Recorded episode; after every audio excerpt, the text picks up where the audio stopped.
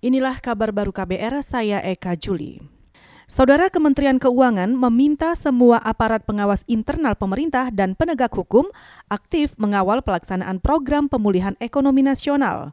Wakil Menteri Keuangan Suahazil Nazara mengatakan, program pemulihan ekonomi nasional dengan anggaran triliunan rupiah harus dipastikan tepat sasaran dan tepat penyaluran. Saya menitipkan seluruh anggaran sebagai Kementerian Keuangan saya ingin menitipkan seluruh anggaran APBN dan juga tentu untuk aparat di daerah adalah untuk melihat APBD-nya masing-masing terus mendorong efisiensi dalam penggunaan anggaran kita ke depannya. Satuan pengawas internal, APIP, pengawasan seperti BPKP dan BPK, kami menitipkan perbaikan terus-menerus atas pelaksanaan APBN kita dan tentu juga APBD.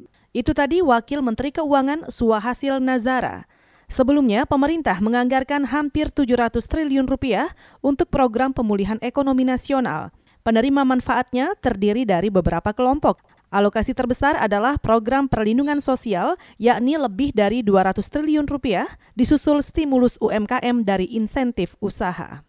Kita ke Jawa Timur lebih dari seribu pelajar kurang mampu tingkat SD dan SMP di Kabupaten Banyuwangi mendapat bantuan senilai total 370 juta rupiah. Bantuan diberikan lewat program Siswa Asuh Sebaya. Bupati Banyuwangi Abdullah Azwar Anas mengatakan, dalam program ini, siswa dari keluarga mampu menyisikan uang jajan, kemudian disumbangkan untuk teman dari keluarga tidak mampu. Bantuan tersebut untuk mendukung pembelajaran daring. Sampaikan ke para kepala sekolah, pilih betul-betul yang memerlukan sehingga terasa tadi sudah ada pemberian kuota dengan HP-nya tentunya sangat bermanfaat. E, cari lagi jangan sampai muncul anak-anak yang kesusahan tapi tidak bisa dibantu.